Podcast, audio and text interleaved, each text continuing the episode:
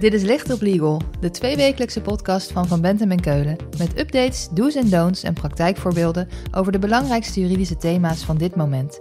Pragmatisch vertaald naar de impact op jouw organisatie. Gebracht door onze eigen experts. Partijen die veel voor de overheid werken, maken ongetwijfeld wel eens uh, een slechte beurt. Maar wees daar dan eerlijk over en maak gebruik van de mogelijkheid om meteen toe te lichten waarom deze situatie niet tot uitsluiting hoeft te leiden. Bij het uitschrijven van aanbestedingen van overheidsprojecten zijn er redenen waarom de overheid bedrijven moet uitsluiten om mee te doen aan de inschrijving. Maar de overheid kan er ook voor kiezen om extra redenen toe te voegen om bedrijven uit te sluiten. Dat zijn de zogenaamde facultatieve uitsluitingsgronden. In deze licht op legal zoomen we in op de uitsluitingsgrond past performance, oftewel slechte prestaties op eerdere projecten. We praten erover met Anne Kusters. Zij stelt zich even voor. Mijn naam is Anne Kusters. Ik ben sinds 2012 advocaat bij Van Bentem en Keulen.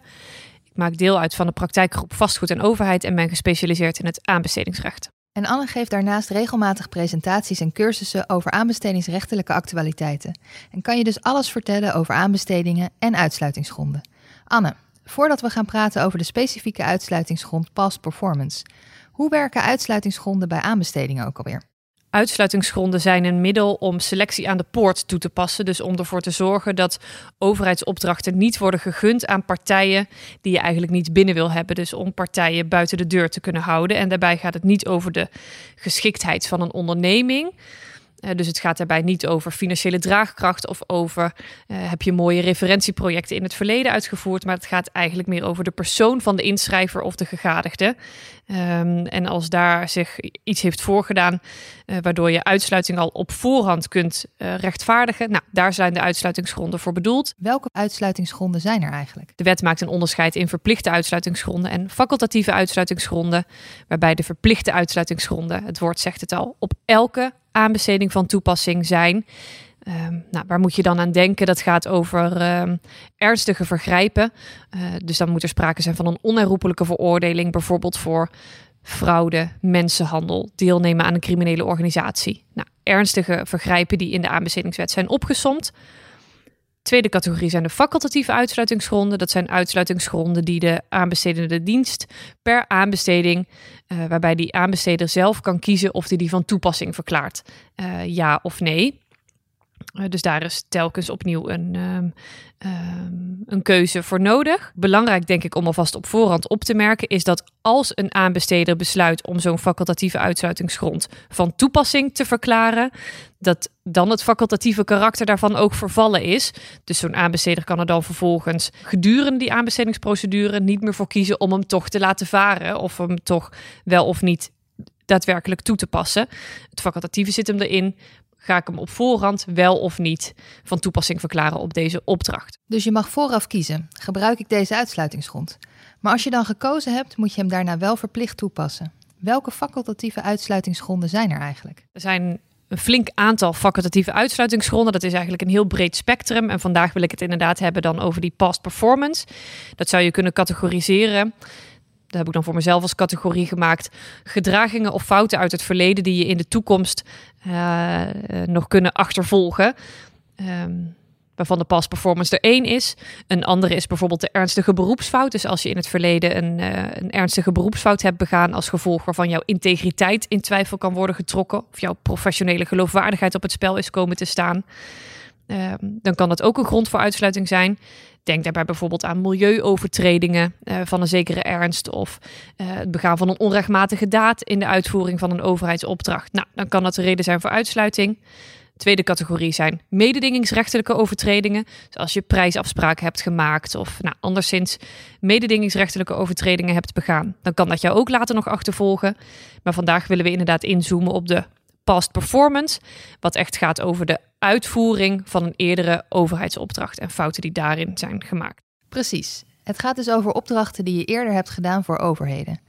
Hoe zit dat? Hoe werkt die past performance uitsluitingsgrond nou precies? Nou, de uh, uitsluitingsgrond werkt als volgt. Hij spitst zich toe op overheidsopdrachten. Wat dus meteen betekent dat projecten die je hebt uitgevoerd voor private opdrachtgevers, die dus buiten de rijkwijde van het aanbestedingsrecht vallen, eigenlijk niet ter zake doen. Dus een heel deel van de uh, projecten valt misschien af. Het betekent wel uh, dat alle overheidsopdrachten die je in je portefeuille hebt gehad, um, uh, een rol kunnen spelen. Want de uitsluitingsgrond is uitdrukkelijk niet beperkt tot opdrachten van dezelfde aanbestedende dienst, is ook niet beperkt tot uh, vergelijkbare opdrachten en is zelfs ook niet beperkt tot overheidsopdrachten in hetzelfde land. Dat betekent dus dat een slechte past performance door de hele Europese Unie jou nog kan blijven achtervolgen. Um, en wat is dan zo'n past performance? Je moet dan blijk hebben gegeven van aanzienlijke of voortdurende tekortkomingen bij de uitvoering van een wezenlijk voorschrift van zo'n eerdere overheidsopdracht. En die moet ook hebben geleid tot vroegtijdige beëindiging van die opdracht, schadevergoeding of andere vergelijkbare sancties. Dus je hebt in de uitvoering van een eerder project een fout begaan, een misstap, zodanig heb je iets verpest dat dat moet hebben geleid tot beëindiging van die samenwerking, schadevergoeding of een andere vergelijkbare sanctie. Hoe moet ik me dat voorstellen? Kan je daar eens een voorbeeld van geven? Ja, um, het is natuurlijk voor veel uitleg vatbaar. De wet werkt dat verder niet heel erg uit. Maar je ziet in de toelichting bijvoorbeeld wel dat een keer het inschakelen van een niet capabele projectleider daar niet onder valt. En het een keer verbeuren van een contractuele boete daar ook niet per definitie onder valt. Maar als je structureel of als je bijvoorbeeld te laat levert, of je levert niet op, of je levert een product af wat gebrekkig is, wat niet kan worden gebruikt, of je levert een brug op die instort omdat die eh, constructief niet goed is. Uh, het moet echt gaan om wezenlijke fouten bij de uitvoering van zo'n opdracht. Nog even terug. Je zei dat het ook gaat om opdrachten die je in andere Europese landen hebt gedaan. En het gaat niet om prestaties bij dezelfde soort opdracht, maar om slechte prestaties aan zich. Dat lijkt mij vrij spelen voor aanbestedende diensten. Hoe zit dat? Het is inderdaad een heel breed begrip en er kan heel veel onder vallen. Uh, dat maakt het ook uh, lastig en dat maakt het ook heel discutabel. Uh, daarom, maar daar komen we later misschien nog op terug, is het goed voor aanbesteders om zich van tevoren goed te bedenken: wil ik deze uitsluitingsgrond wel van toepassing verklaren of niet? Want het is inderdaad heel breed. Uh, het wetsartikel heeft natuurlijk wel verschillende waarborgen al in zich. Het moet gaan om aanzienlijke of voortdurende tekortkomingen, die ook zijn gesanctioneerd. Dus waar het gaat om tekortkomingen die bijvoorbeeld niet hebben geleid tot een beëindiging van die overeenkomst, of uh, waaruit geen verplichting tot schadevergoeding is voortgevloeid, of wat dan ook, ja, dan telt die dus niet mee. Uh, dus het is inderdaad vrij breed. Het is ook telkens aan de specifieke individuele aanbestedende dienst om per opdracht te beoordelen of uh, een situatie uit het verleden al dan niet kwalificeert als, uh, als past performance. Dus wie bepaalt dit? De aanbestedende dienst die aan zet is? Ja, dat is de aanbestedende dienst die aan zet is. Dus uitdrukkelijk niet de aanbestedende dienst uit het verleden, waar die slechte past performance wel of niet is geleverd. De beoordeling ligt bij de aanbesteder die nu aan zet is, die de opdracht nu in de markt heeft staan. En hoe weet hij of er slechte prestaties zijn geweest? Zijn er zwarte lijsten? Wordt dat bijgehouden? Nee, dat wordt niet bijgehouden. Um, er wordt wel de mogelijkheid genoemd om daar registers voor bij te houden. Dat wordt ook wel gedaan in de gids proportionaliteit. Maar wat, uh, wat daarbij meteen wordt opgemerkt is, pas daar wel mee op. Want dat soort registers kunnen inderdaad al heel snel resulteren in zwarte lijsten. Uh, waar ondernemers op komen te staan, terwijl ze er eigenlijk zelf geen zegje over hebben gehad. Het kan heel onzorgvuldig zijn. Let ook daarbij bijvoorbeeld op het uh, risico op imagoschade. Dus dat soort registers kunnen wel, maar zijn eigenlijk wel gevaarlijk. Um, aanbesteders kunnen er op verschillende manieren achterkomen dat er ergens een slechte past performance is geleverd. Dat kan natuurlijk omdat dat bij hen zelf uh, is geweest. Hè? Dus bij de uitvoering van een eerdere overheidsopdracht van hen zelf. Zij kunnen dat ook te weten komen doordat andere aanbesteders hen dat melden uh, of vertellen. Um, maar ze kunnen het ook te weten komen omdat concurrerende inschrijvers hen daarop wijzen. Dat heeft dus potentieel enorm veel gevolgen voor bedrijven die meedingen naar een opdracht. Waar moeten zij op letten? Bedrijven moeten zich bij elke inschrijving die ze doen goed achter de oren krabben en bedenken welke overheidsopdrachten heb ik in de afgelopen jaren uitgevoerd. Zijn daar fouten in gemaakt? En zijn dat fouten die zodanig wezenlijk zijn en die ook zijn gesanctioneerd? Niet met een rechterlijke uitspraak, dat is niet vereist, maar zijn er fouten die zo wezenlijk zijn en die zijn gesanctioneerd, dat die wel eens zouden kunnen leiden tot een slechte past performance kwalificatie. Uh, en aan die bedrijven zou ik willen meegeven, meld dat dan ook direct in je eigen verklaring, in je uniform Europees aanbestedingsdocument. Geef aan, ja, er is sprake van een slechte past performance situatie, maar in dat UEA, dat aanbestedingsdocument, is ook altijd ruimte voor het geven van een toelichting. Ligt dan direct ook toe waarom je vindt dat die slechte past performance situatie in dit geval niet zou moeten leiden tot uitsluiting. Maar nu ben ik een bouwbedrijf en 15 jaar geleden heb ik een slechte prestatie geleverd. Maar inmiddels ben ik al 15 jaar het braafste jongetje van de klas. Kan dat mij dan nog steeds worden aangerekend? Nee, gelukkig gaat het niet zo ver terug. De wet heeft een uh, terugkijktermijn bepaald en die is drie jaar. Dus dat betekent dat alleen maar uh, tekortkomingen in de afgelopen drie jaar een rol kunnen spelen. Dus als jij de afgelopen, uh, als je 15 jaar geleden een fout hebt gemaakt, dan kan dat jou niet meer achtervolgen. Um, dus dat is in tijd wel beperkt. En als het dan binnen die termijn valt, zijn er dan toch mogelijkheden om er onderuit te komen? Ja, zeker. Ik zei net al, als zo'n facultatieve uitsluitingsgrond van toepassing is verklaard, dan is een aanbesteder verplicht om die te volgen.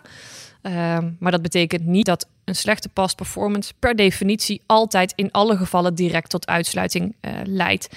De wet heeft een aantal uh, waarborgen wel ingebouwd. Zo kan het bijvoorbeeld zo zijn dat uitsluiting niet proportioneel meer is. Bijvoorbeeld ook gelet op ehm, eh, de tijd die is verstreken sinds die slechte pas performance situatie. Misschien is die drie jaar wel bijna voorbij en ging het eigenlijk ehm, uh, toch maar om iets kleins in relatie tot deze opdracht. Daar zit nog een proportionaliteitstoets uh, in, op basis waarvan de aanbesteder kan besluiten toch niet tot uitsluiting over te gaan.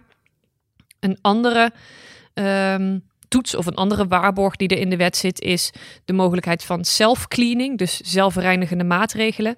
Een inschrijver moet altijd de gelegenheid hebben om toe te lichten dat hij zijn leven heeft gebeterd. Dus dat hij zich bewust is van de past performance, dus van de slechte prestatie in het verleden, maar dat hij kan aantonen uh, daar iets mee te hebben gedaan, daarvan te hebben geleerd, op basis waarvan hij nu niet zou moeten worden uitgesloten. En waar moet ik dan aan denken? Dat kan verschillende, kunnen verschillende dingen zijn. Misschien heeft hij bijvoorbeeld de schade uh, volledig vergoed die uit die slechte prestaties voortgevloeid. Hij heeft heel voortvarend meegewerkt met onderzoeken die daaraan uh, of die daarnaar zijn gedaan door bevoegde instanties. Maar je kunt ook heel goed denken aan organisatorische of personele maatregelen, zoals het ontslaan van betrokken medewerkers of um, wat minder ingrijpend het implementeren van compliance-programma's. Uh, het inschakelen van externe adviseurs om processen beter te stroomlijnen. In ernstige gevallen zou je kunnen denken aan vervanging van management. Um, verschillende uh, zaken op basis waarvan zo'n inschrijver kan zeggen: Ik weet dat ik het niet goed heb gedaan. Ik weet dat ik vorig jaar iets heb verprutst, maar ik ben ermee actief mee aan de slag gegaan. Dat zou mij nu niet meer moeten achtervolgen. Stel nou dat het toch maar iets heel kleins is. Je mag natuurlijk niet liegen, maar waarom zou ik niet gewoon mijn mond houden? Omdat verzwijgen, liegen en je mond houden uh, eigenlijk allemaal hetzelfde is. En aanbestedingsrechtelijk kwalificeert dat allemaal als een valse verklaring. En een valse verklaring is ook een uitsluitingsgrond. Als je dat uniform Europees aanbestedingsdocument niet eerlijk invult, uh, en met niet eerlijk invullen bedoel ik dan dus ook je verzwijgt zaken, dan leg je een valse verklaring af. En dat is ook een grond voor uitsluiting. En let wel, bij zo'n valse verklaring is die proportionaliteitstoets er niet. Dus dan is uitsluiting eigenlijk per definitie uh, de aangewezen sanctie. Dus liegen kan nog wel eens voor een veel groter probleem zorgen dan eerlijk toegeven dat je een slechte past performance hebt. Um, en dan direct ook toelichten waarom je vindt dat dat in dit geval geen gevolg zou moeten hebben. Duidelijk. Dus als bedrijf is het uitgangspunt: wees eerlijk. En als er een smetje is, leg uit waarom dat gebeurd is en waarom het nu niet meer zal gebeuren. Even naar de aanbestedende diensten zelf. Waar moeten zij op letten? Een aanbesteder moet meteen bij het begin van het optuigen van een aanbestedingsprocedure heel bewust die keuze maken om deze uitsluitingsgrond wel of niet van toepassing te verklaren. Als hij die keuze maakt om dat te doen, zou mijn advies zijn: volg dan ook strikt je lijn. Wees scherp op eventuele past performance situaties uit het verleden en verbind daar dan ook de consequenties aan die daarbij horen. Probeer niet toch een inschrijver die nu eenmaal uh, goed bij de organisatie ligt, toch binnenboord te houden met een krakkemikkig verhaal. Nee, volg je eigen lijn. Uh, wees desnoods wat te streng. Hè? Een rechter kan je dan altijd nog terugfluiten, maar dan ben je, kun je jezelf in ieder geval nog in de ogen kijken. Voor een aanbesteder is niet zo ongemakkelijk dan situaties door de vingers zien, een beetje gaan zwabberen en proberen een, uh, en vervolgens proberen bij de rechter een krom verhaal weer recht te praten. Ja, dus denk op voorhand goed na over of je deze uitsluitingsgrond wilt toepassen.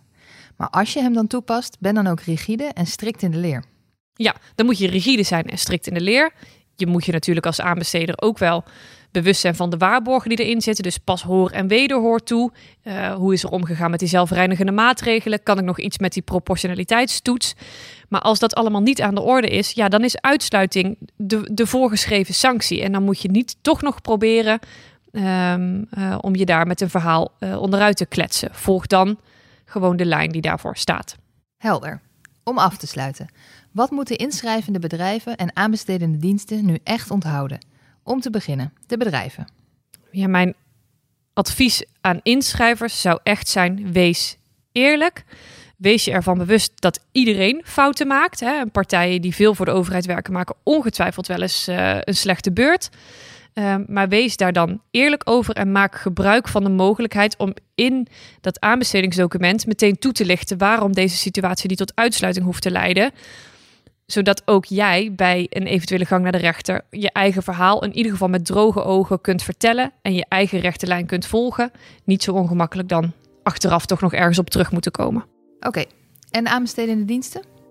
Eigenlijk hetzelfde. Hè? Ik heb het net ook al gezegd. Volg je eigen lijn, maak op voorhand bewuste keuzes en houd je daar dan vervolgens ook aan. Anne, dankjewel. Als we meer willen weten over past performance als uitsluitingsgrond bij aanbestedingen, waar kunnen we dan terecht? Je kunt mij altijd e-mailen. Mijn mailadres is annekusters@vbk.nl en op onze website vbk.nl kun je ook mijn overige contactgegevens vinden. Dit was Licht op Legal, een podcast van Van Bentem en Keulen. Te beluisteren via Spotify, Apple Podcasts of je eigen favoriete podcast-app. Wil je meer weten? Heb je suggesties voor een onderwerp? Of wil je dat onze experts hun licht laten schijnen op jouw juridisch vraagstuk?